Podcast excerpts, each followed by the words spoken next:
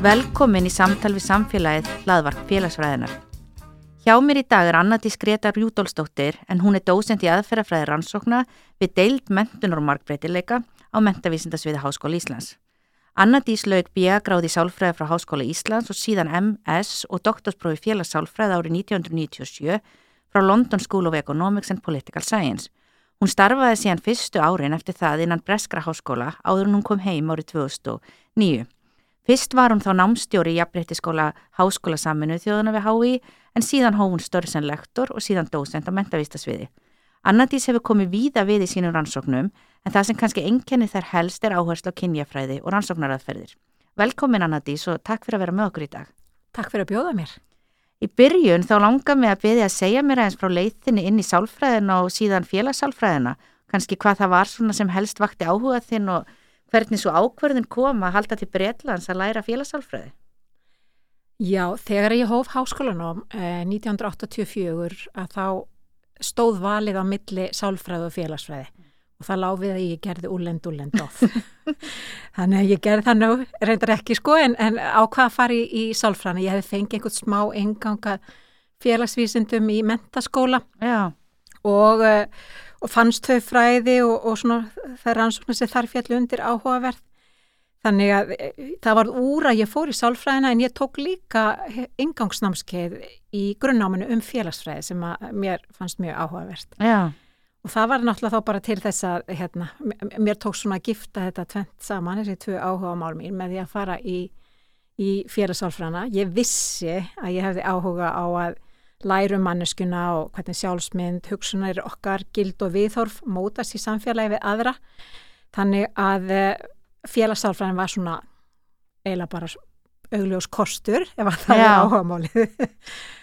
og eh, það var úr að ég tók allt mitt framhalsnám í London School of Economics og þar lágu meðan svona eiginlega bara praktískar ástæður að baki. Ég var ekki búin að skoða marga háskóla eða neitt slikt en ég fór með vinkonu minni uh, hún var með tveggjara barn sem var náttúrulega alveg brjálaði þegar maður hugsa um það svona tilbaka því þetta var mjög stíft nám, stífasta nám sem ég farið í.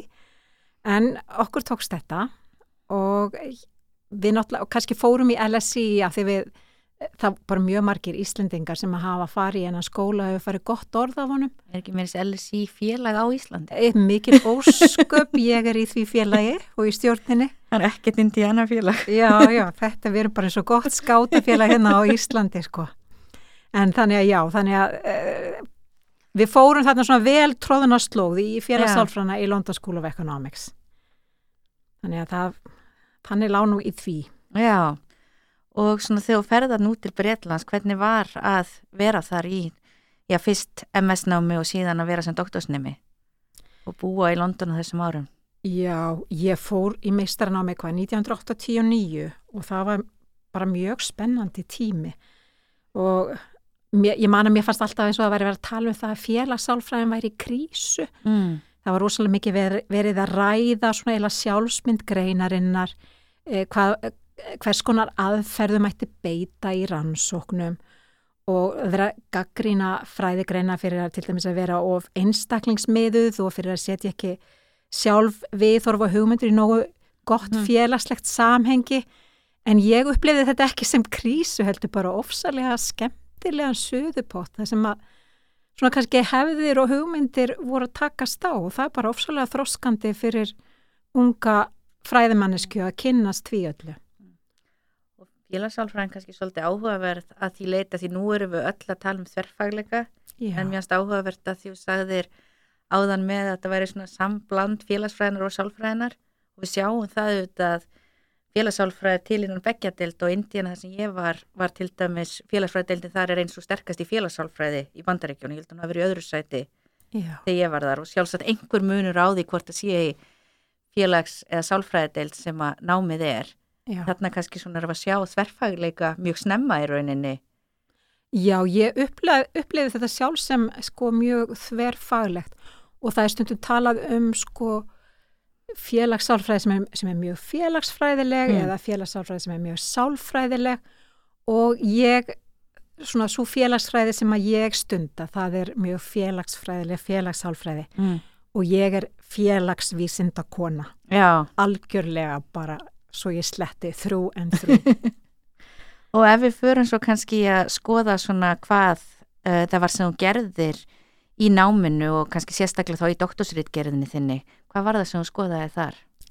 Sko ég hafði mjög mikinn áhuga á að skoða það sem að kalla svona kynjuð sjálf mm. og ég hafði sko, áhuga að skoða hugmyndur um kvenleikan og kallmennskuna og, um, og skoða hvernig uh, þær hugmyndur hefðu breyst á milli kynnslóða og, og, og þessi svona átök sem að þá kannski urða á milli þess uh, hérna hugmyndum það hverju konur ætti að vera sinna og, og hverju karlar ætti að vera sinna og svo framvegis. Ég var alltaf fyrst og fremst að, að skoða kvenleikan en auðvitað umleiðum að fyrir að skoða kvenleikan og þá kemst maður ekki tjá því að taka eftir einhverjum karlmennsku hugmyndum Já. og um, þannig að, að ég fór út í það að uh, greina minningagreinar Já, frá 1922 til 1992 og svo tók ég við tölvu konur á aldrinum 16 til 18 ára. Mm. og var síðan bara að skoða uh, þessar mismundi leiðir sem það fóru til að tala um sjálfið og, og hvernig þeirra kvenleiki hafi áhrif á þeirra lífslaup og, og, og hérna og svona samfélagslegar hugmyndur um það hvers konar vendingar það er eftir að hafa og skildur og svo framvegis þannig að já, þannig að það var svona það sem að eh, ég fór, fór að skoða. Já, mér finnst mjög áhugavert að það sem sér með að skoða minningagreinir yfir svona langt tímabil já. og varstu þá að skoða semst í rauninni breytingar á hvernig við að talað um konur og þeirra enkenni. Já, þetta var svona bara orðræðu greining, mm. skoða svona eh, kannski viðmið um það hvað telst eh, heilbrygt og eðlilegt í sambandi við kvenleikan og kallmennskuna þá líka. Já Ég hefði náttúrulega sko, sko árið 1992 og ég man þetta svo vel að þetta, það er nokkuð svona ljósaperu moment alltaf í lífi allra Já. og það var svona ljósaperu moment hjá mér, ég var í LSI og þá kom félagsfræðingu sem heitir Nicholas Rose mm. og flutti fyrirlestur og uh, verðandi kona hans, hún var sem sagt uh, í námi með mér Diana Adlam sem heitir núna Diana Rose mm. og hérna hann kom og var að kynna þá nýjútkomna bók sína sem heitir uh, Governing the Soul The Shaping of the Private Self og þú þekkir örglega þessa bók, mm. segir hún. Já, ég held ég hafa einhver tíma reykist á hana. Já, já, en þetta er bara bók sem er orðin sko klassík í félagsvítsundum og þar er svolítið að skoða bara hvernig bara eh, hugmyndur um sjálfið hafa verið að breytast og líka svona hvernig sérfræðinga orðræða hefur haft meiri og meiri áhrif á það hvernig e, tengslokkar við sjálfið hafa breyst. Mm. Hérna einu sinni þá voru það kannski bara nóg að, að það væri bara einhverju yfirbóðar að skikka okkur til, við vorum með skildur, við vissum hvaða hlutverk við höfðum svona í þessu stóra lífskeipulagi veist, þú bara fættist og varst ekki spurður að hvað ætlar að verða út á hún stór.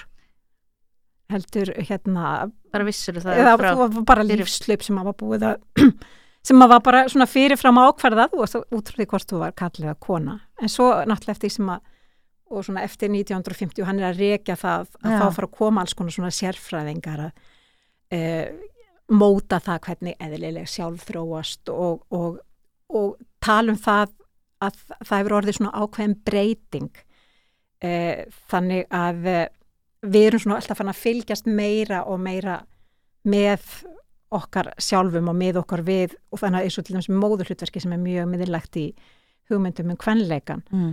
að eh, við erum með sérfræðinga eins og sálfræðinga og, og fleiri sem eru búin að gera alls konar normalkurfur og það er búið að skilgreina hvernig góða mæður haga sér og hvernig slæma mæður haga sér þannig að við erum alltaf alltaf með okkur við þetta. Já, frekar heldur en séu kannski einstaklingarnir sem eru á alls konar hátt. Það eru þessar hugmyndir út í samfélaginu og þú eigir að vera svona til að vera góð kona, góð móðir, góður karl, góður fadir. Já, við erum algjörlega með sko normatívar hugmyndir en svo náttúrulega kannski reynslokka mismunandi og, og tengjust þetta á mismunandi hátt. En svona mér langar aðeins að því þetta er svo langt tímabil að hvað það eru 22-92 eða? Já.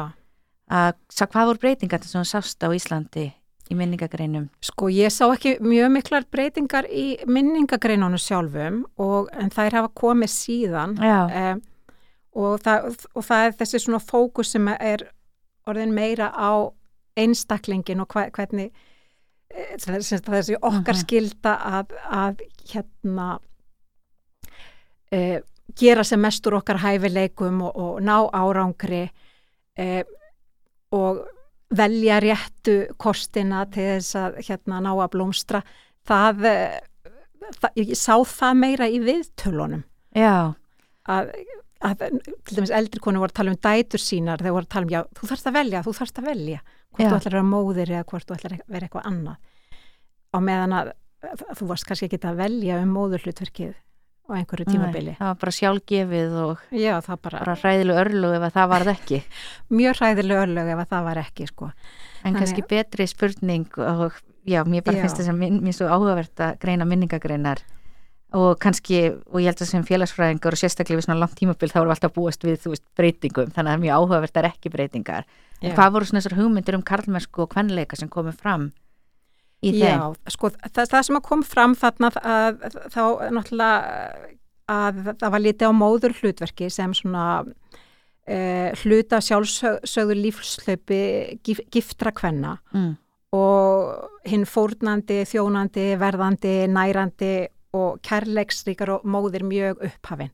Þannig að mjög mikið gert úr því til dæmis hvernig, hvernig konur uh, láta þarfir annar að ganga fyrir sínum eigin, það setja sig alltaf í annarsætið. Já. Það eru svona, ég kallaði þetta skuggasækin sjálf. Já. Það voru svo góða konur og það komu frasar eins og til dæmis það að, að hún var svo ummyggjusum að hún dó á frítegi dóttur sinnar. Já. Og hérna og alls konar, þú veist, svona sem, sem er samt bara örgulega þannig bara mjög eðlega hátt eins og við komum til að hlusta þetta kemur svona smá ákvæmlega út ef maður lesi þetta. En það er svona byrtingarmynd uh, hugmyndina um þennan kvenleika. Að þær setja alltaf alla fram fyrir sjálfa sig. Já. og þess að hugmyndinu það hvernig þær svona fá þreksitt frá guði og meðan að karlar, sérstaklega svona forréttindakarlar sem er í kannski efri stjættum um, að þeir sóttu styrk sinn í sitt einstaklingsuplag þeir eru svona meiri einstaklingar heldur en Dúlegir, ráku fyrirtæki, sáu fyrir fjölskyldu Já, og hérna voru framsýnir mm. og, og hérna uh, fremstir meðal jafningja á meðan að uh, heimurinn, uh, meðan að heimili var hennar líf og, og börnin hennar heimur Já. bara svo ég vittni bara tuggu sko. Já, það er mjög áhugavert og minnst líka áhugavert að þú hefur og búin að minnast á það núna aðeins uh, með orðræðugreiningar sem er aðferð sem að þú hefur notað nokkuð mikið í þínum rannsóknum og kannski ekki allir vita nákvæmlega hvað það er. Þannig ég var að velta fyrir mig hvort þú myndi kannski bara aðeins útskýra hvað það er en líka kannski sérstaklega að tala um því við erum svo vön kannski viðtölum og spurningalistakönnum og slíku en hvað Já. er það sem við fáum út orðræðugreiningunum, hvernig hjálpar hún okkur að skilja samfélagið? Já, uh, það er náttúrulega til alveg rosalega marga tegundir af orðræðugreiningum en uh, uh, ég hef einhver stöðst þá við hugmyndir Foucault að hann sagt, og þá eru kannski orðræðugreining hún er gagleg til að sjá kannski til að skoða tengslvalds og þekkingar mm. og, þá meðalanna, og þá með því að greina til dæmis hvaða hugmyndir verðað viðmöðum um það sem er heilbritt og ellegt í samfélaginu mm. uh, og, og þetta er góð leið til að greina sagt, uh, hvaða hugmyndir jafngilda sannendum í samfélaginu og, og hvernig sjálfsverðan tengist þessum mismunandi hugmyndum Þannig að veist, eins og bara til dæmis að þarna að góðar konur að þær setja sjálfa sig í annarsætið og á meðan að hérna karlar eru framsýnir og horfa fram á veginn. Það er svona, kannski svona dæmi um sannindi sem koma fram og svo hérna e, já, bara tengja það líka bara við svona valdaskipan samfélagsins ef að konur setja alltaf aðra, hérna sjálfa sig í annarsæti þá hefur það náttúrulega áhrif á þeirra líf sko. Ég man sérstaklega eftir einni grein sem ég las í náminu hjá mér eftir þig sem að mér fannst sérlega áhugaverð, ég held að hún hafi verið byrt 92 og tengi sjúkdómsvæðingu. Það ekki? Já, það getur verið. verið. Og, erna, og ég veit ekki svona þegar ég hugsa tilbaka hvort að hún hafði og ég man svona mikið eftir hún að þetta var eina fáum greinunum sem ég kannski lasa þeim tíma sem voru eftir íslenska fræðikonu og um konur. Já. Já, ég var, ég var náttúrulega að skoða Já, nú þarf ég aðeins svona að bara róta í minninu, sko ég var náttúrulega, hafði tekið við tölvu unga mæður uh, um upplifin þeirra uh, af, af meðgöngu mm -hmm. og, og að díla við uh, bara til dæmis heilbyrðiskerfið og það sem ég gerði líka var að ég, hérna, að því mér hans líka mikilvægt að sjá hvað skilabóð voru að koma frá stopnarnum sjálfum, þannig ég hefði tekið bæklinga sem að hérna konur sem var, voru þungaðar fengu á, meðan á meðgöngunni stóð. Og skoða sem sagt svona þar náttúrulega er setta fram hugmyndur um það hvað er, hvað er eðlileg fæðing og svo framvegs og þá getur maður sagt þarna var orðræða það sem að e, e, til dæmis það að vera þungað var, var, var sett mjög mikið í, í samband við laknisfræðina og, og hérna e, jafnvel sjúkdóma og svo frammeðist það mér sé sagt að engin fæðing væri eðlileg fyrir nú væri afstæðin Já í, man ég, það, svona, það er bara merkilegt hvað maður mann og síðan var ég bara svona að skoða hvernig þær tóku þessar hugmyndur upp til dæmis þegar ég var að tala við þær. Já, þannig að það tengis svolítið inn á þessar hugmyndur um vald og þekkingu og kannski þá sem við höfum alltaf séð verið að gerast að þá kannski séu sérfræðingarnir með meira vald og þekkingu heldur um konurnar sem eru að upplifa hvort sem að það er meðgang og fæðing eða alls konar aðri hlutir. Já og, og náttúrulega þeir taka sér þá stöðu innan orðaræna sem, sem sérfræðingar mm. og þá hlusta á þá og veist, segja uh, til um það hvernig e, bara hérna hvernig fæðingin á að ganga fyrir sig og, og, og hvernig hún sé eðlileg og alls konar orðfæri sem mm. byrtist til dæmis tala um stig e, fæðingarinnar um, og og þessi málnótkun til dæmis komið inn í það þegar þær eru að gera grein fyrir sinni upplifun. En þær settu sig jafnvel í andstöðu við þess að sérfræðinga orðræðu og sem að gæti náttúrulega verið mjög erfitt fyrir þennan hópa því að, að því að hérna þetta voru ungar mæður. Já. Og hérna Þess þá heldur að þær veit ekkert hvað er í gangi. Já, en, en þær voru hérna voru það margar og stundum veist, voru að lýsa því að þurftu svolítið bara virkilega hafa fyrir því að að hérna, það væri tekið eftir því sem þær væri að segja. Já. af því þá bara hefur þær annan stað í þessari orræðu Já, um, um, Já, um uh, þennan fæðandi líkama. Já, en þú ákveður síðan að vera áfram í Breitland eftir námi og starfaðir þar sem lektor og dósent. Uh, eða getur kannski að sagt mér svona frá því hvernig það var og kannski svona hvernig breska háskólakerfið uh, er saman í samanbyrðu við að íslenska Já, ég hérna, já, ég semst eftir, eftir doktorsnámið, ég kom heim í eitthvað þrjú ár og svo var mér bóðið að koma og leysa af, það, það eruðu allir, hérna eru tvær ófrískar í London School of Economics, þannig að ég fór hérna og var að leysa af í eitt ár sem lektor sem að hafi svona þær afleðingar að ég var sjálf ófrísk Þannig að ég var þar í eitt ár og svo var ég að kenna í University of the West of England. Já. Og já, og það er, já, það er áhugavert að bera, ég bæði þá háskóla saman og, og líka bara Breitland og Ísland og náttúrulega LSI, þetta er náttúrulega svolítið svona elítu háskóli, það eru, e, getur verið erfitt að komast alltaf inn, háskólagjöld og, e, og gerðar þar alveg mjög mikla kröfur til kennara og til dæmis þau eru allir í rannsóknum og hérna mér varst mjög spes að vera kennari og, og ég var með rítara Já. Þannig að það var alltaf einhver sem að ljósritaði fyrir mig hérna öll kennslugögn. Já. Og, og svona alls konar og svo náttúrulega bara handvali líka inn Já. mjög góði nefnendur og ósalega skemmtilegur umræð, það var líka það sem ég upplýði sjálf sem nefandi það var, var það var svo mikið um að vera og svo mikil umræða og svo, og svo framvegis. Já. eh, og svo fer ég hinn háskólan og, það er ekki eins mikil eldu háskóli og, og hérna kannski ekki nefnendur sem að hafa jafn, hvað ég að segja, sem að eru jafn, jafn mikill svona forréttindastöðu. Þannig að það, það breytir svolítið hérna dýnamíkinni Já. en mér finnst, mér finnst hérna háskólinn hér hafa kannski ímislega sem að háskólanir þarna höfðu ekki Já. og meðal annars að ég uppliði stu- stundum háskólan þar eins og pínrilli fí, fílabeinsturn Já. við vorum, vorum ekki bara að tala hvert við annað sem vorum að veist, sem að vorum, vorum að sinna rannsóknum og svo framvegs á meðan að, að með, meðan ég var á Íslandi að þá fannst mér ég man eins og, eins og til dæmis uh, hérna að það voru alltaf svona uh, svona kallað rapp hjá hérna hjá rannsóknastofi kvennafræðum Já.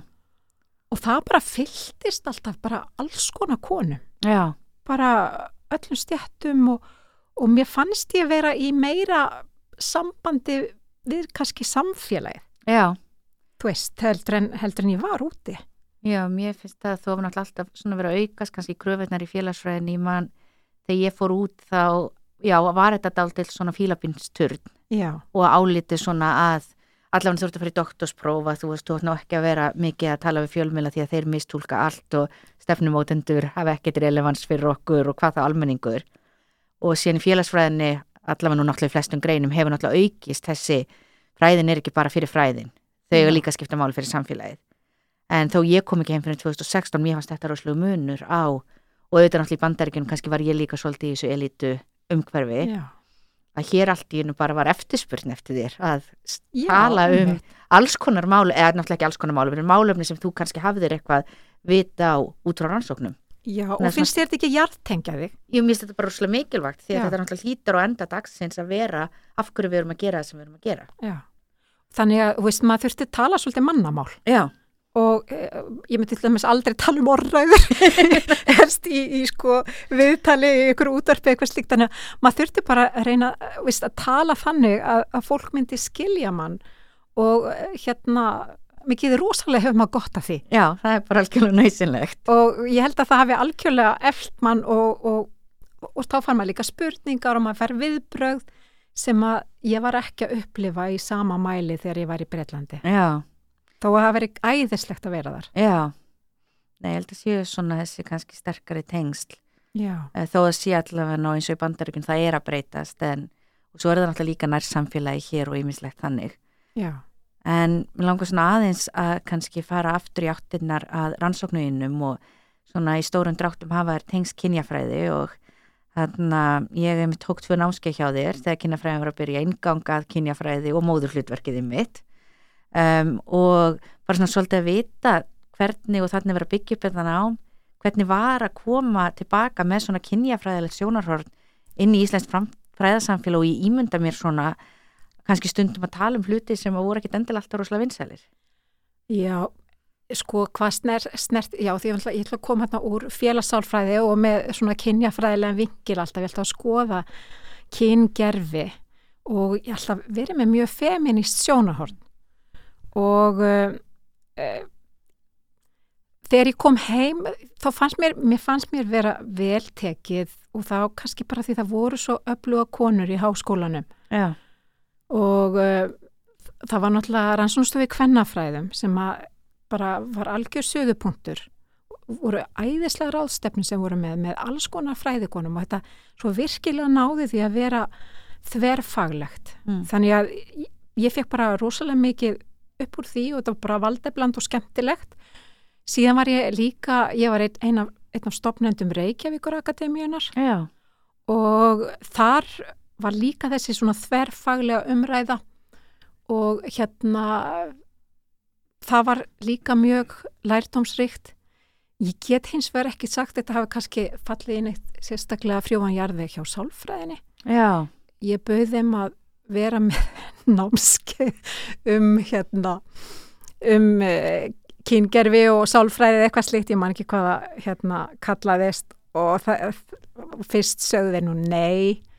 En svo bauði þeim að vera með námskeið um hérna svona kritikal kenningar og, og sálfræðið þeim fannst það nú eiginlega bara bara ennþá verra og buði mér þá að vera með hérna hittnámskeiðið gegn því að ég myndi kalla það um, um, mælingar á kynjamun. Já, sem að sem að þá þessi fræði eru þá kannski akkurat að greina og gaggrína já, hvernig svona kynjamunu verður bara kannski stundu til í gegnum þessa mælingar. Já, en hérna þannig, já, þannig að ég, þeir voru þá allavega tilbúinir til þess að, að og ég sé alltaf þeir er upplýðið þetta bara svolítið sem kalla sko. Já, nú eru komnar fleiri konur og, og örgulega hefur landslæðið eitthvað breyst vona ég allavega þarna.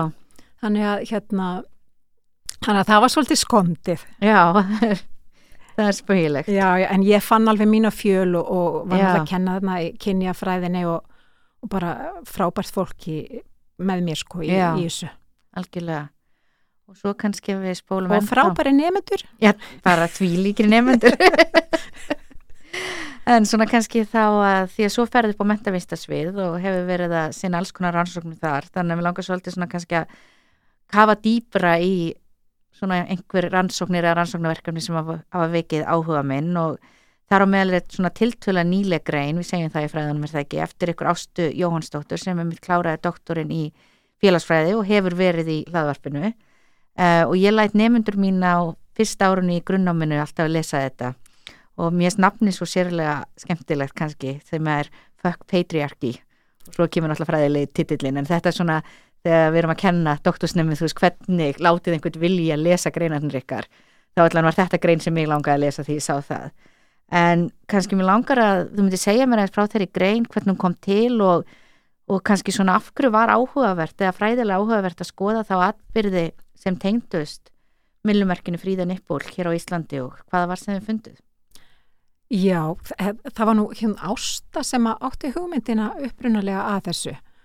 Og já, og, og við Ástunum báða mjög ánaða með titilin ásarinn Já, mér finnst alveg snildar titil. Og líka bara þó, já kannski fyrsta leið þóra skýrinan titil og í öðru leið hef ekki fengið tilbaka en það er kannski munurinn var hún ekki byrti í feminist Feminism and Psychology Já, sko. ég held ef ég hef sendið þetta í sem svona mainstream félagsfræði tímarit geti ég fengið tilbaka. Kannski aðeins endur hugsa Já, akkurat sko. Titilinn. En þetta, hérna, samt titlina er rosalega lýsandi fyrir Já. það sem að greinin er um og hérna, og já, mar margar stöllur mínar, ma maður getur sagt margir vildu Lilju kveðið hafa. Vildu, ó, okkur er ég ekki með svona þannig að kannski komum við einhverja stað, ég veit það ekki. Já, en allavega um, það sem var áhugavert var náttúrulega á þessum tíma er uh, að það verður hérna og, og ég er búin að vera í feminisma í, í mörg ár og tel mig fylgjast mjög vel með. En svo kemur allt í hennu bara þessi reyfing af ungum konum bara eitthvað með bara svona uh, bara út úr blánum fannst manni. Hverjar Og- eru þessar konur? Já, Yes. hér, já, þessar stelpur Já. bara, veru hérna bara ganga niður uh, laugavegin á brjóstunum og stilla sér upp fyrir framann alþengishúsið og síðan er, eru þær uh, svona alls konar tíst í gangi og þær eru þarna bara með eitthvað svona mótmæli um uh, áreiti sem að þær hafa reynt á sínu skinni sem að við kannski þessar eldri þekktum kannski ekki jafnvel. já, hvers konar árið? Já, þetta er bara þess sem, sem voru að tala um þessi, þessi ofbúslega hérna kynlífsvæðingu Já, á stelpum og, og bara þessu sko hvernig, hvernig, líka mann er, er svo, svo klámvættur og, og, og hérna viðbröð sem að þær höfðu orðið fyrir áreiti á samfélagsmiðlum. Já, sem að hérna og, og sem að beindist á sérstaklega brjóstunum. Já, sem að sko þegar, þegar ég var ung að þá gáttum við farið í sund og við gáttum bara leið í, í sólbaði án þess að þú veist á brjóstunum eins og maður segir. Já, en, en eh, það einhvern veginn var ekki hægt lengur. Nei. Og hérna þannig að, þannig að þetta var mjög áhugavert að fara og skoða þetta og líka af því að þegar fyrir að skoða það hverjir það eru sem að sem að fá hérna rými um, í svona þessu ofinbera rými til þess að til þess að ræða vandamál og fleira. Við sjáum ekkert mikið af ungum stelpum þar eða ekki á þeim Já. tíma. Uh, yfirleitt þá, er þar, þá eru þær í, hafa það verið eins og opera rýma þegar einhverja fyrirsætur eða kannski einhver söngkona eða eitthvað slikt en þarna koma þessar stelpur bara svona, svona bara riðjast fram í opinbera rými og okkur fannst áhugaverst okkur ástu að skoða hvernig svo þessir sko fjölmiðla sem að voru uh, svona, hvað sem að digital á, stafrænu, stafrænu hérna formi, hvernig þeir fjölluð um um hérna þessa reyfingu. Þannig við fylgdum sko alveg, þetta var svona hálfgerð tímalína, áhört að sjá hvernig svona umræðan breyttist, já, þannig að þeirra skoða þá í fjölmiðlum hvernig umræðan er. hvaða, hvaða tíst voru til dæmis tekin upp og, og, og fjallað um í þessum fjölmiðlum. Og, uh, og það var svona bara að byrja með svona bara umfjöllun um það hvað eru það að gera stelpur og, og, og, og segja frá því uh, hérna uh, tekin viðtöl við þær og, og þá kom til dæmis í byrjun mjög oft þetta svolítið vísa kannski í, í svona ef við erum að tala um orðræður stundum talað um svona þess að nýfrjálsiki orðræð þetta, þetta við erum alltaf að velja eitthvað úr, úr, úr veist, við erum alltaf að hafa val Já, og sem einstaklingar veljum við og þá kom þetta hérna mjög mikið hjá þeim. Já við viljum bara hafa val um það hvort að við koma brjóstunum eða, eða ekki. Sama val og strákar og svo framvegis án þess, að, án þess að við séum svona klámgerðar. En svo var svo áhugavert hvernig þetta var alltaf feminískar og feminískar að hérna uh, hugtæki feðraveldi fyrir að stinga sér inn og þær fara að setja viðbrögð við sínum líkama í samhengi við feðraveldi og það, og það fara líka fleiri eldri feministar að fara að koma inn og, og styðja þær. Já, og síðan alltaf það sem að fyrir að gera slíka og mér fannst það svo fallegt. Mér fannst það ofslega fallegt að hérna það voru eldri feministar sem stigu fram til að styðja þær. Já, og eh, hérna kvenréttindafélagi sem er náttúrulega bara eitt elsta svona feministafélag, hef ekki má segja sem svo á Íslandi það er bara sendu inn út póst bara stelpur við stöndum með ykkur já, og áhugaverði póstar sko hérna, þau voru margir svona eldri hvað, hvaða villessis gangar er þetta eiginlega, mm. að vera hérna, koma fram á póstunum, er það ekki bara að spila beint inn í einhverjar orðræður eitthvað slíkt og þá fara að koma svona hugleðingar eins og já, ég hef náttúrulega ekki lent í því sem að þær, þær gera og þær eru að upplifa þetta allir að standa með þeim Já. og hérna styðja þær í, í þeirra hérna, það kallar þetta alltaf byltingu, já, byltingu gegn uh, þessari klámvæðingu um, hvern líkamanns og hvernig skömmin er alltaf færði yfir á hvern líkamann þannig að hérna það var mjög fallegt. Svo það sem var ekki jafn fallegt var að það voru hérna ýmsir karla sem náttúrulega stigu fram og ýmsir aðlega sem, sem náttúrulega stigu fram og, og gaggríndu þetta. Já. Og hvað Og- var þá helsta gaggrínin? Já, þetta til dæmis að, hérna, að þær væri bara að spila beint inn í klámiðnaðin og, og það voru til dæmis einhverju sem að fóru að sapna myndum af brjóstunum og gefa þeim einhvern já, hvað væri falleg brjóst og hvað ekki. Og þá hérna komið viðbröðum frá þeim bara hérna uh, ef að við gerum þetta allar að þá um, þá missa þeir valdið. Að, hérna, að þá geta þeir ekki hérna, vera að kláma ykkur allar. Það veist, ef, geta ekki verið að setja skömmun og einhver eina mannesku fyrir að hérna, sína á sér brjóstin ef við erum allar að því og þegar þið svona kannski bæði út frá því að þið skoðið náttúrulega orðræðinu yfir tíma en líka þetta er náttúrulega komið svolítið síðan þetta var Já. svona tilur þetta við skipta einhverju máli breytti þetta einhverju í íslensku samfélagi eða var þetta bara svona moment við höfðum þetta og svo bara heldum við áfram Já, það er svolítið erfitt að segja. Ég, ég held þetta hafi haft afleðingar eh, því það komu síðan upp alls konar hreyfingar eftir þetta. Verður náttúrulega að hafa í huga þessar stelpur sem að reynda stigu fram. Þetta er svona stelpur sem er kannski fóréttindastöðu. Þetta eru, þetta eru millistjættar stelpur í, í mentaskólum og örgulega margar stúlkur og öðrum félagshópum sem að kannski eiga ekki jafn auðvelt með að Já. svona taka sviðið eins og, eins og þær gerðu.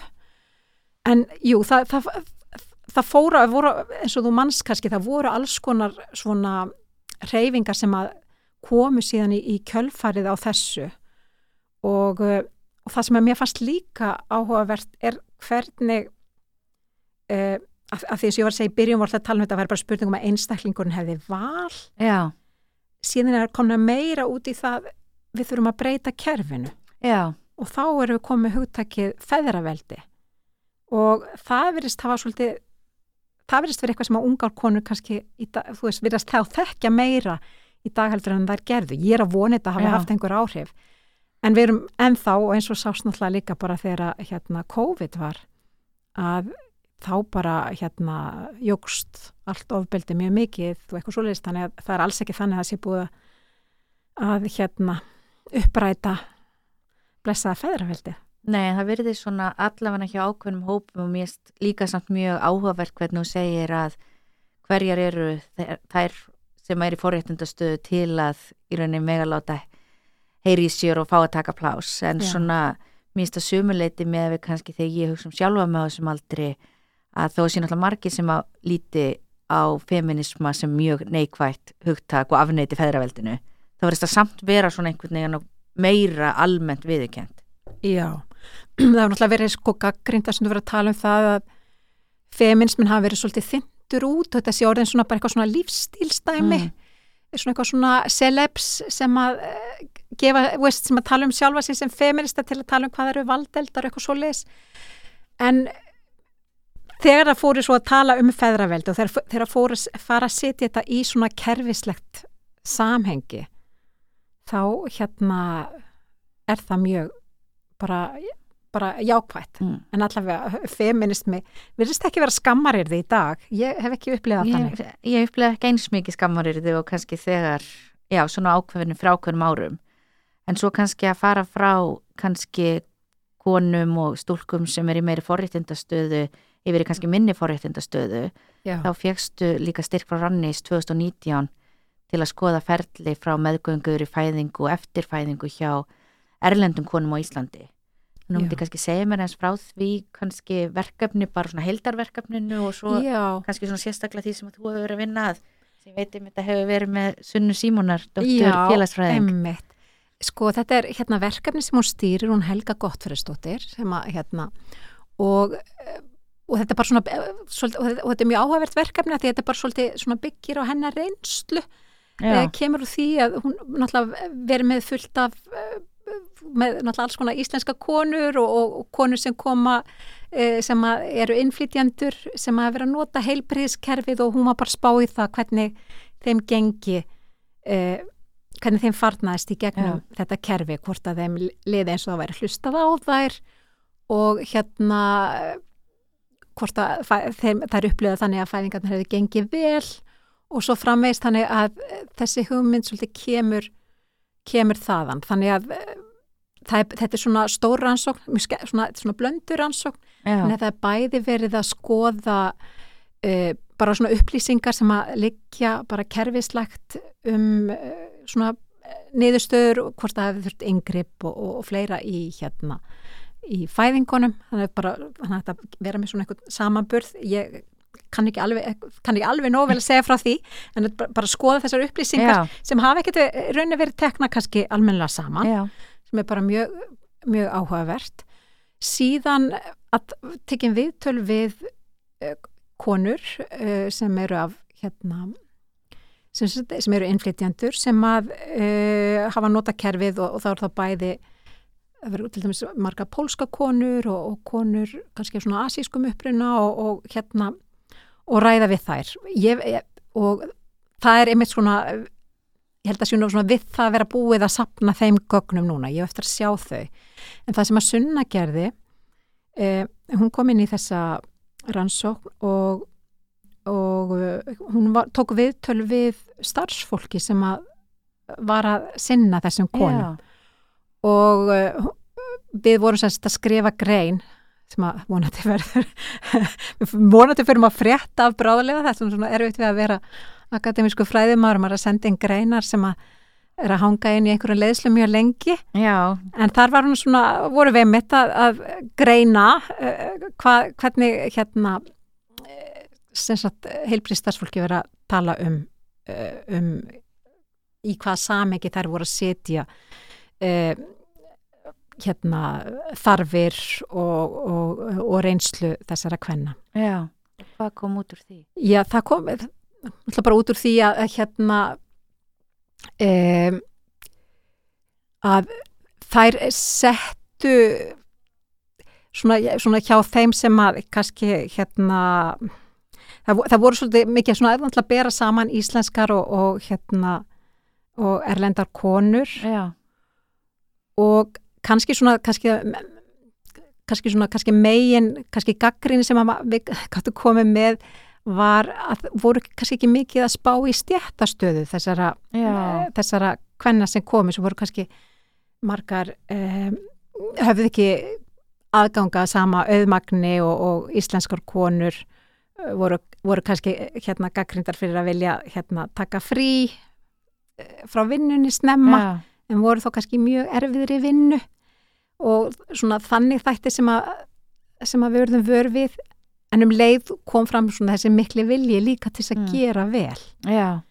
Þannig að einhverju leiti kannski allt er minkað í munurinn er á milli íslenskra kvenna og erlendra kvenna. En það eru al- félagsveruleiki þeir eru allt öðruvísi sem kannski gerir meira heldur en skil, skil, skýrir þetta meira heldur en þjóðernið. Já og þetta er náttúrulega ekkert eitthvað sem er bara bundi við heilbriðið Já. starfsfólk. Ég meina þetta, við bara hugsa um mínar fyrstu rannsóknir að hérna þetta er bara eitthvað svolítið nýtt fyrir okkur inn á Íslandi til dæmis að spá í stjætt Já, sem er bara, náttúrulega bara ótrúlegt. já, að ég til dæmis gerði rannsóknir á ungum mæðurum og var ekki mikið að fjalla um þeirra stjættu uppruna sem að ég held að mikið ná- áhrif á þeirra reynslu. já. Já, við höfum svona svolítið viljað lífa í því að við séum öll jöfn þegar kemur Já. og efnahagsleikur munur skiptir kannski ekki það miklu máli. Þannig ég held að sem að svona kannski greinst þarna er hvað að við, að, að það okkur vantar kannski bara þessi orðræðu. Já, Okkur bara vantar, veist, því- af því að tungumáli er líka tæki til þess að til þess að greina veruleikan og kannski vantar okkur það bara já. inn líka. Og ef við hugsa nú kannski svona aðeins um veruleik okkar akkurat núna, Já. að þá hefur síðasta árið svo sem einkennst af litlu öðru heldur en bara COVID og aftur COVID. Mikið lósköp. Þú hefur verið svolítið að skoða það í rannsóknum og meðal annars safna sögum í samstarfi auði Magnetísi auðardóttur dóttursnema. Uh, myndur kannski segja mér aðeins frá því hvað þú, þegar ég við með þér að safna sögum Já. og svo sem sagt hvað ég sá um mitt grein í netlu ég bæði sá ykkur að halda fyrirlestur og síðan sá ég grein í netlu nýlega. Já, við erum búin að vera ægilega duglega, við erum búin að byrta bæði í Gender Work and Organization og svo byrtum við í, í netlu, þannig að við erum aldrei búin að mjólka þessa rannsókn. Heldur betur. Já, en eh, já, það er nú hugmynd sem kom frá henni auðumaktísi og hérna uh, við og við tölum saman semst eiginlega bara í upphafi COVID ástansins og fórum þá að ræða það hvort það væri ekki hægt að nota eh, það er, það er, það er sem sagt hérna, til aðferð til að safna gögnum sem er kallið söguloka aðferð. Mm. og aðferðin félur það í sér er að fólk fær upphaf að sögu sem að einsku kalla story stem og síðan er að beða um að klára söguna. Og um, þannig að fólk getur bara að skrifa hvað sem það vill og, og hérna mikil sköpun í gangi og, og svo framvegs uh, en það getur náttúrulega ekkit skrifa um nema það sem það þekkir. Mm. þannig að við höfum bara áhuga á því uh, við höfum sem sagt, uh, sem sagt sögu hérna upphafið snýrist að því að það var annarkvort karl eða kona sem að uh, höfðu, sem áttu börn á, á grunnskólaaldri og þurftu líka að vinna heima. Og hérna, ég man ekki nákvæmlega hvernig upphafið var og hvað gerðist svo og um, og við semst höfum semst bara áhuga á það hvaða hugmyndi þau voru að, að vísa í þegar þau voru að greina frá örlugum þessara sögu hetja. Líka sem er kannski svolítið áhugavert þarna því þú segir að við getum bara skrifað það sem við þekkjum Já. en þeir eru ekki að leita eftir því sem er að gerast fyrir einstaklingin og mínum eigin reynslu heimi Nei, heldur þú ert að skrifa um eitthvað og ég getum bara játa það, ég kláraði eina sögu en þá ert í rauninni að sagt skrifa um þær hugmyndir sem þú veist einhvern veginn er í samfélagin, þú skrifa út frá þínu veruleika þannig að þetta svolítið endurspegla þá kannski þær hugmyndir sem stærri svona hugmyndir um kynin í samfélaginu og og algjörlega Já. sko og, og það er það náttúrulega sem er náttúrulega gott við þessa aðferð. Og hún, hún er mjög gaglega út að skoða einhver svona viðkvæm efni. Já, er það að þú ert ekki að byggja fólk um að upplýsa um þeirra eigin reynslu um það hvernig þau fóru að því. Já, en svo náttúrulega eru kannski örgulega margir sem skrifa um Já, sína já, reynslu um það hvernig þetta gekk. Og hérna en það sem að kannski þá einkendi þessi gögn er að það er verið vandamál þegar við verum að gera þessa rannsókn að hérna karlar eru ekkert að svara þessum könnunum. Þekkt vandamál í, í, í, Því allir miður. spurningalista kannunum. Já, þeir bara er, voru, voru ekki að svara þessu og eh, flestar konurna sem, sem að tóku þátt í þessu voru bara svona konur eins og ég og þú sem að hérna eru háskólamentar Já, þannig að hérna það þarf svolítið að lesa í gögnin út frá þeirri félagsleiri stöðu þáttakanda um, það voru flestar með háskólamentar ég held að 83% hafi Mm. bara verið mm, eitthvað sem að, sem að, sem að það einkendi og væri náttúrulega mjög áhugavert að sjá hvernig aðrir hópar hefði tekið sér hvort það hefði komið fram sömu áherslur og svo framvegis. En niðurstöðna voru mjög mjög, mjög áhugaverðar og hérna uh, og svona mjög upplýsandi kannski svolítið um kynjapólitíkina á heimilunum. Já, og hvað var það sem að komi ljós? ég meðal annars bara kom til dæmis það fram hvað hérna tíminn er mikið kynjapólitískt mál. Mm. og eh, hver það er sem að hérna til dæmis heldur utan um alla þræðina og, og hérna og hvað er mikil krafa til dæmis og mæður að vera svona superskipulaðar. Já, og það kom svona fram nánast þegar við voru að lýsa mæðurinn sem að voru bara haldið um heimili eins og þetta væri Excel-skjál já, já, betur við erum frá palli að gera þetta þessum tíma og lýsa á hinum tímanum og, og svo þarf að uh, sinna vinnunni. Uh, þannig að uh, það hafa tekið það á sig að skipuleggja heimilið. Já, en svo náttúrulega hérna já, þannig að, að það, það það kemur mjög, mjög stert fram. En svo kemur líka fram sko þá líka ákveðin svona uppreist já, gegn því líka. Já, uh, að hérna þær fara að uh, segja bara, ákveða bara, já, bara setja skipulega út í bílskur, já, svo við köllum greina og bara finna aðrar aðrar leiðir til þess að vera með svona gott heimilslíf já, heldur en að láta allt ganga eins, eins og smjör. Uh, að renna eins og smjör. Já, þannig að hérna að, þá lýsa því til dæmis að hérna ganga í náttúrunni eða bara sóvott þá sé allt í drastli. Já, uh, og þannig að það kom svona fram ákveðin uppreist gegn því en svo voru líka mjög mikið komum nokkrar sögur þar sem að þáttakandur notuðu tækifæri svona í rauninu til að fá útrás fyrir gremju sína gagvart fe fe feðrum á heimilinu. Já, þannig að e, þú eru svona skrautlega lýsingar á hérna við kallum þetta the clueless father í, í hérna ennsku þýðingunni já, á, á föðurnu sem að vissi ekki hvað fótina nátt að stíga eða hafi verið svo góðu með sig sko, held að myndi nú geta gert þetta allt saman, þetta verður nú ekkert mál. En svo hérna mætur hún raunveruleikin þarna og, og hérna það gengur ekkert allt og vel. Já, þannig að e, það voru óbúslega tilfinningar líka sem komu já, fram í gegnum þessar sögur. Það kom ég svolítið óvart, ekki en ekki þarf að ég sé það líka í, í öðrum rannsóknum þar sem ég beitti þessar aðferð.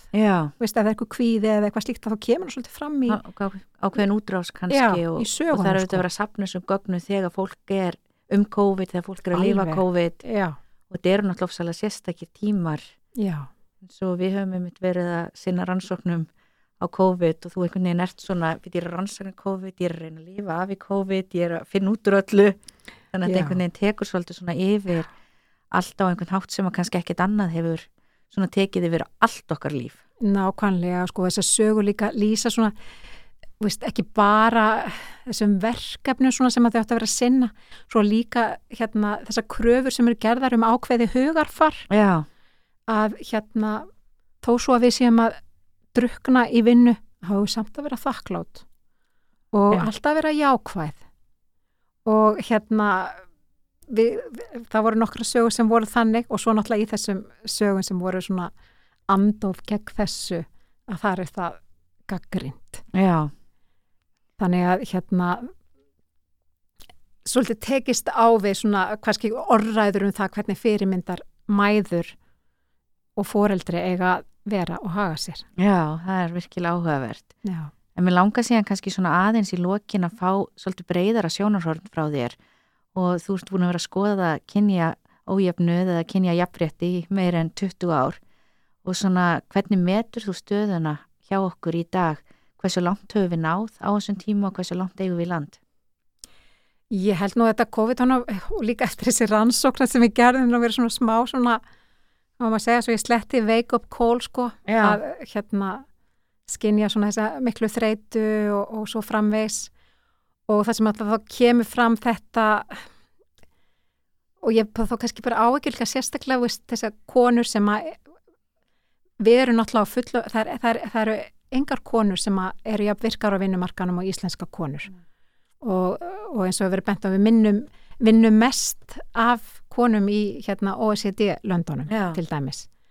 E, og líka um leið eru konur að meðaltala eiga 1,7 barn Já, og hérna þetta er bara, og um leið líka eru gerðar þessar kröfur til okkar um það að, að hérna við þurfum að vera duglegar að hugsa um kroppin við þurfum alltaf að um, hugleiða helst á mótnana uh, passa upp á að vera nú með reynt fæði og svo framvegs og þetta er bara svakalega mikið. Já, og síðan eh, þetta og það, það kom líka, fra, það hefur líka kom fram í annari rannsók sem það gerðu Andrea Hjálmsdóttir og hún hérna uh, Valgerður. Uh, s- það sem að þau eh, báðu konur um að halda dagbók á tímum COVID. Og þar kom fram líka þetta sem að leið, þeim leið eins og þær væri alltaf sko verkstjórarnir heima. Já, og þannig að það eru rúslega margar íslenska konur sem eru að standa þetta sem er kalluð, kalluð þriðja vaktin. Já, og það er áhyggjuefni. Já, og við þurfum markvist að taka á því. Og, og hérna uh, maður var nú svona vona til dæmis eins og þegar um, hérna, með, eh, með uh, fæðingar orlofið að það er þannig að það er því jæmt skipt á milli karla og kvenna sko. Þannig að, að, að það gerði meiri kröfum að kallarnir kæmi inn í það meðalans bara út af þessu bara til þess að þeir að því, að því þá fylgir hinn vinnan með líka sko já, og vil gera það. Og verða þeir meira svona investeraðar í þessu. Já, en uh, það þarf held ég bara breyta einhverju með svona handabli sko. Já. Og það er svolítið áhugavert og við höfum nú sagt svona í félagsfræðinu svolítið með hvað COVID gerir er að í rauninni það er ekki að búa til neitt nýtt í samfélaginu en það er kannski að sína alveg rosalega beran hátt. Já, sumt af því óréttleiti og þann ójöfnu sem að fyrir finnst hvort sem það er eftir efnahag, um, innflytjandastöðu eða kyni eins og þína rannsóknir klárlega sína. algjörlega og það sem að náttúrulega svo gerist náttúrulega þetta er svo, svo ofbóslega skipulag til dæmis hjá sem barnafjölskyldum sko, ef þú ert að vinna og þú ert uh, sem börnin uh, skipulag að koma á leikskólan og, og hérna og svo af og amma og svo COVID náttúrulega þá var ekki Já. tvist að leikskólinn væri einu sinni sko uh, í gangi því að það var náttúrulega alls konar hérna og sótkvír af og amma í sótkví eða semst í sjálfskeipari sótkví. Já, emmitt. Þannig að kannski átaka línu, þetta er svo rétt hjá þig, Sigur hún sko, þetta, veist, með átaka línutnar sem Já. eru til staðar, þær bara eru rauðu glóandi, sko. Já, Þannig að brestirnir bara komi ljós og svo ætla bara ofsalegt áekki efni hvað var mikið heimilisofbeldi já, og uh, ofbeldi ykkar hvort börnum líka. já, Þannig að ég held við þurfum að hugsa okkar gang. Við erum náttúrulega búin að gera mjög mikið og ég er náttúrulega haft á reynslu að búa með, til dæmis með börn í, Bretlandi. já, og ég ætla, ég ætla ekki að lýsa því hvað hérna mér finnst mikil ástæð til þess að við séum þakklátt fyrir það að vera með þessa hágæða leikskóla sem við erum með hér sem að við höfum aðganga að og eru tiltölu ódýrir. Af því að til dæmis í Breitlandi það sem, að, það sem að ég bjó að það var bara mjög algengt að bara að þá hámentaða konur væru komnar í hlutastarf síðan mjög erfitt að koma sér einhvern veginn inn í svona framabrautina eins og sem að kallarnir gáttu gert svona eh, kall til. Þannig að þannig að þetta sem að kvennarhefingin hefur, og þetta er bara sem að við höfum bara barist fyrir, það er rosalega gott, mm. en við þurfum að gera meira. Já, þannig að mikilvægast að eh, lærdómur, mikilvægast lærdómurinn er kannski sá að uh, það er sannleikur í því að við séum jafnbreytisparadís en við erum kannski ekki komin á þann stað þar sem við getum kalla okkur unverulega jafnbreytisparadís. Já, margt sem, að, margt sem við gerum vel en, en við þurfum að gera betur og svo þurfum líka bara hafa mjög hugfast að það, það er svo auðvelt að taka þetta af okkur aftur. Já. Og ég hef líka hérna áhyggjur af þessu að við búum í þessu neyslu samfélagi og þessi bara ofbóslega miklu kröfur sko það er alltaf að vera að búa til ný vandamál Já. og alls konar vandamál bara í, í sambandi við, við börnin eh, hér áður fyrir að, að, eh, að hérna þá þótti til dæmis offit ekki vera til dæmis uppeldisvandamál að nú er það fara að líta það sem eitthvað sem að, að fóröldarnir hafa feilað Já. og svona ímislegt eh, hérna ímislegt um, sem við erum að hafa ágjur af sem við kannski höfum ekki ágjur af áður og, og, og, og sem að hérna og það sem er litið svo á að, að fólkdæknar er að grípi í taumana en oft hafa þeir kannski ekki fórsendu til þess. Já, nákvæmlega. Mér til dæmis mjög áhugavert eins og hérna alltaf vera að tala um skjánótkun. Já. Ég er, vera, ég er að kenna námskeið sem heitir fjölskyldur í nútíma samfélagi með hérna fyrst ásnefnum og sem er gríðarlega skemmtilegt mm. og við höfum eitthvað að ræða þetta og hérna alltaf mjög mikilvægt að kannski að fylgjast með börnunum og sérstaklega eru þunglindu eða ekki e, vinu og, og svo framvegs en það eru aldrei, það, það er vola lítið talað um og þetta hefur Sonja Livingston talað um, það er vola lítið talað um það að þessi fyrirtæki sem eru að búa til þennan heim fyrir börnina þau axlengur á ábyrð. Já, það er náttúrulega oft sem við gerum er að við erum ekki kannski að skoða þessi stærri samfélagslegu og markastripnu öll sem er að Algjörlega. hafa áhrif á okkur og móta líf einstaklinga en ég held að það sé bara alveg efni annað hlaðvarp að ræða þessi málefni. Það kemur orðræðu greining svo vel inn, ég veit ekki hvort ég útskýri nóg vel hvað það var sko, en það er mjög, mjög gott að vera með hana. Þannig að hún sýnir okkur þessi valdat hengsl og, uh, og, lí, og líka bara hérna hversu aðlaðandi hún, veist, hvernig, hún laður okkur að sér sko, þessar hugmyndir um um hvernig mannesku þú ætti að vera hvort sem Já. og það er kannski að sama það er alltaf verið að segja okkur og íta okkur hugmyndir um að þú ætti að vera svona kona eða karl svona móður eða fadir svona Íslendingur, svona neytandi þannig að við erum alltaf að og kannski höldum að þessar hugmyndir skipti vola litlu máli en það er verða svo í rauninni bara grafnar inn í sálina okkur að það hafa rosalega mikil áhrif og þessi svona þetta hamingju handrit sko Já. sem að vera að halda að okkur sem að við einhvern veginn samt aldrei náum. Já. Ég held að vera Lóra Berland sem kalla þetta bara andstyggilega bjart síni sem að, veist, að við erum alltaf hérna í þessu fóli að reyna að, að komast í þessa hamingu sem að svo einhvern veginn alltaf bara glóbrast á milli fingrana okkur. Já, nákvæmlega og ég held að við látum það að vera loka orðin hér í dag og bara takk kærlega fyrir að vera með mér. Takk fyrir mig. Og takk fyrir að hlusta okkur í dag.